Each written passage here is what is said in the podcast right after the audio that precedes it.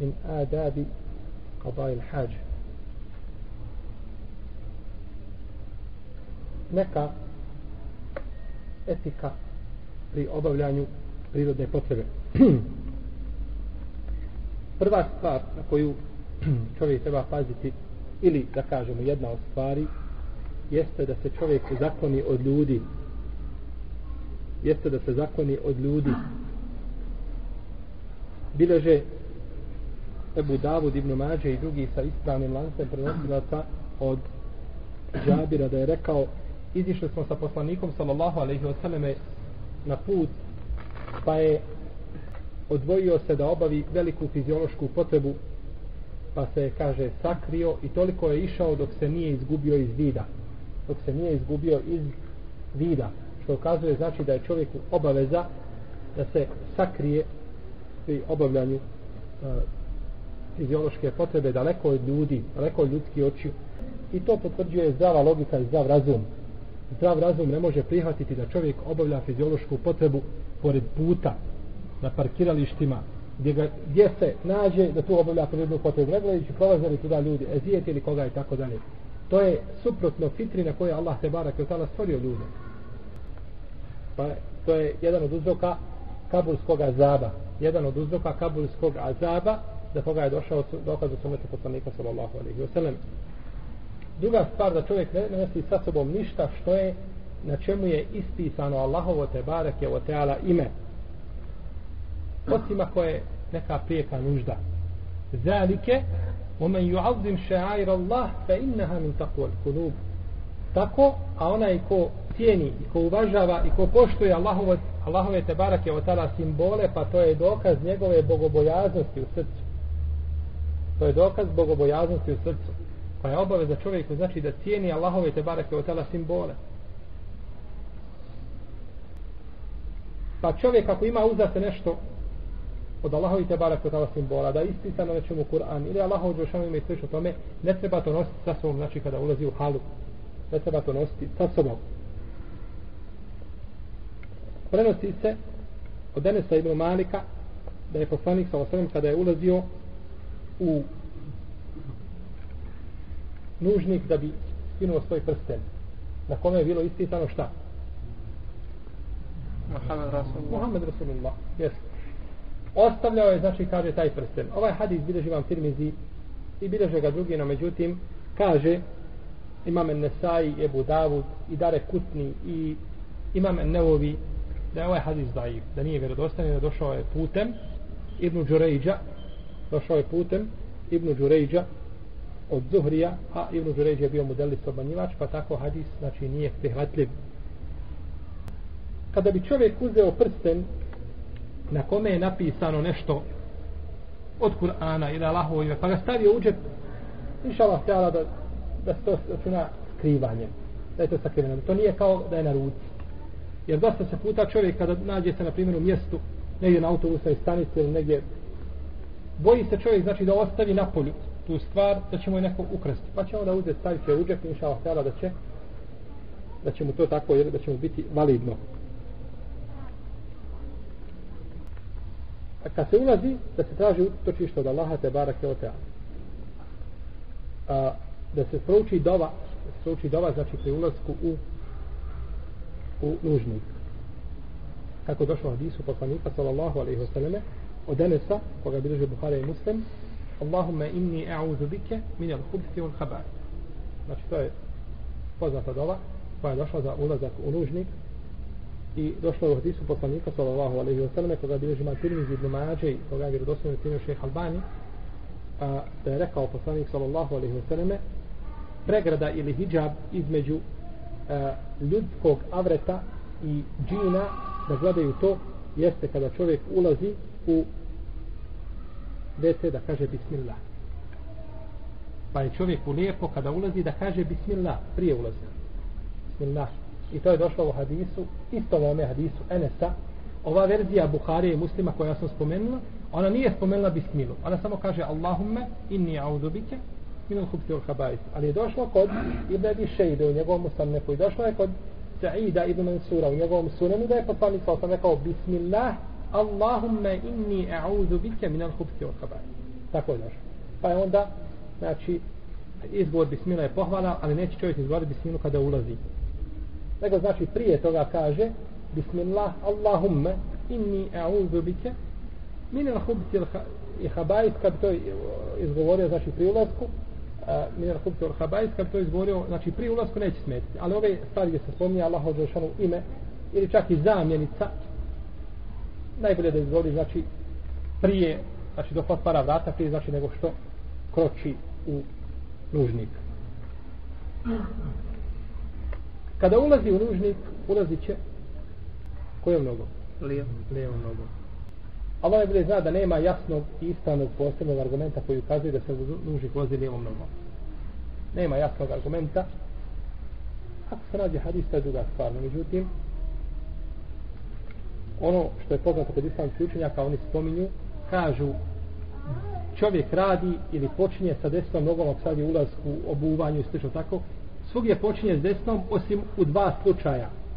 Počinje sa lijevom a to je kad ulazi u jednom slučaju ulazak u drugom izlazak. Kada ulazi u u nižnik i kada izlazi iz džami iz mesčina ali ima hadis koga bilježi imam el Bejheqi od Enesa kaže od sunneta je od sunneta je da se u džami ulazi sa desnom, a da se iz džamije izlazi sa lijevom nogom. Od sunneta je. Tako da je, neki sučenjaci prihvatili ovaj hadis i ispravno da on ima dobar lanac prenosilaca, a ashab kada kaže da je nešto od sunneta, to se odnosi na šta? Na sunnet poslanika, sallallahu alaihi vseleme, ne misli se na nikakav drugi sunnet. Da se ne okreće prema kibli kada obavlja prirodnu potrebu. Da se ne okreće prema kibli. U hadisu Ebu Ejuba Ansarija stoji da je poslanik sallallahu alejhi ve sellem rekao iza ataytumul ghaita kala tastaqbilu al-qiblata wa la tastadbiruha walakin sharriqu wa gharribu. Kada dođete da obavljate fiziološku potrebu nemojte se okretati prema kibli ni prednjim ni zadnjim dijelom tijela nego okrećite se lijevo i desno odnosno istočno ili zapadno ovo je kada je kada se čovjek nalazi u Medini, znači na takav će način biti okrenut a, sa bočno će biti okrenut prema kibli. Da se čovjek kloni pričanja, da se kloni pričanja kada obavlja fiziološku potrebu, da ne priča. To je isto jedan od adaba. Od Ibra Omara se prenosi, kako bileži muslim u svome sahihu, Ebu Davud i Tirmizi, Nesai i drugi, da je poslanik sallallahu alaihi wa sallame obavljao malu fiziološku potrebu pa je prošao pored njega jedan čovjek koji ga je poselamio pa mu nije odgovorio pa mu nije odgovorio. A mi znamo da je odgovor na selam vađi po konsens po, po, po, po mišljenju izrazite većine islamskih učenjaka. Po džumhuru, znači po većini islamskih učenjaka obaveza je tebi da odgovoriš na selam za razliku od nazivanja selama iako tu isto postoji spor. No međutim odgovor ti je vađi Allahu poslanik sallallahu alaihi sallam nije odgovorio nije odgovorio što znači da učiniš vađib ostavljanje vađiba znači neće biti dozvoljeno osim kad ima šarijetski argument koji te prečava da učiniš da učiniš taj vađib. Ovo nije potpuno jasan argument. Imamo hadis koji je jasniji od njega kod Ebu Davuda u njegovom sunenu. I islamski učenjaci se podijeli oko vjerodostojnosti hadisa postoji spor. Ispravno da, da se hadis može inšala prihvatiti da Allah Želešanu mrzi dvojicu ljudi koji iziđu da obavljaju fiziološku potrebu i pričaju. Prezire takve stvari. Pa je to jači hadis koji ukazuje znači na zabranu ovoga čina. Ovdje dozvoljeno znači dozvoljeno čovjeku da priča o ome slučaju u nuždi. Šta je nužda? Da čovjek obavlja na primjer fiziološku potrebu negdje vani i vidi čovjeka slijepog hoda i upašće u neku rupu u nešto ili da ukaže čovjek koji ne čuje da na auto ili sliče stvari da čovjek znači progovori kada je nužda. To je druga stvar međutim ako nema nužde ne treba da priča ne treba da priča. Iako islamski učenjaci nisu i ovo vrijeme ovaj gubili. Ibn Abi Hatim Razi kaže čitao sam svome babi hadise dok je bio u nužniku. Ovaj mu čita hadise na polju sjedi i čitamo on sluša u nužniku pa je znači i to su vrijeme koristili ovaj za ono što se može iskoristiti. Da se čovjek klone obavljanja prirodne potrebe po putevima i tamo gdje ljudi odmaraju. Kaže u hadisu poslanik u hadisu Abu Hurajre kaže poslanik sa osam koga bližila muslim itteku el la'anejni bojte se el la'anejni pa su pitali a šta je to el la'anani ja Rasulallah? Šta je to? Kaže da čovjek znači obavlja potrebu po putevima i gdje ljudi hladuju. Znači putevima kuda ljudi prolaze čovjek obavlja tim mjestima fiziološku potrebu pa je zijeti ne mogu ljudi znači na miru hodati. Ili gdje ljudi dolaze pa se odmaraju. Ljudi dolaze znači na jedno mjesto da se odmaraju i onda tuda čovjek dolazi i može da primjer zamisliti da čovjek polazi negdje preko muzdelife ili preko arefata u vremenu kad nije hađ ili pred hađ i zna da tu ljudi dolaze i da odmaraju, tu spavaju, tu i bade čine i on dođe i obavi znači negdje fiziološku potrebu na otvorenom i onda tako na takav način je zijeti, je zijeti ljude.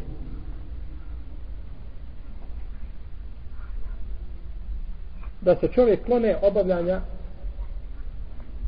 male fiziološke potrebe u mjestu gdje se kupa gdje se kupa A na primjer čovjek ako se kupa u banji, kad je ne treba obavljati fiziološku potrebu. Jer je došlo u hadisu, koga bilježi vam Nesaji i drugi, da je poslanik sa osvijem zabranio da čovjek obavlja, da čovjek obavlja malu fiziološku potrebu u mjestu, znači na mjestu u kome se kupa. Naročito u nama kaže ako se voda na tome mjestu iskuplja, sakuplja, ako ne otiče, jer u kalji dosta puta ne može stići ot, oteći ono znači što e, voda kojom se čovjek kupa pa tako nakuplja se kaže naročito na tome mjestu na tome mjestu biva zabranjeno Poredići to znači sa vodom koja teče i sa vodom koja miruje. Vodom koja teče dozvoljeno s a koja miruje nije. Pa poredići to znači s ovim kažu nije dozvoljeno čovjeku znači da obavlja fiziološku potrebu tamo gdje se kupa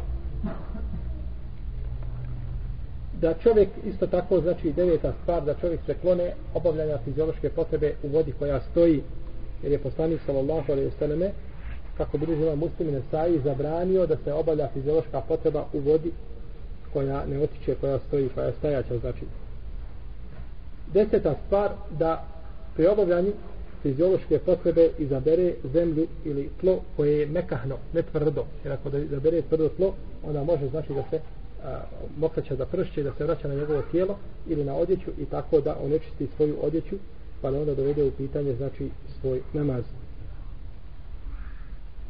Jedanesta stvar da se da, da, da pazi na adabe koje smo prethodno spominjali pri čišćenju nakon nužde. Spominjali smo nekoliko adaba u prošlom predavanju koje se vežu za čišćenje nakon nužde, da njih u obziri znači pri obavljanju fiziološke potrebe i 12. stvar je da nakon izlaska kaže gufranake. Da kaže gufranake.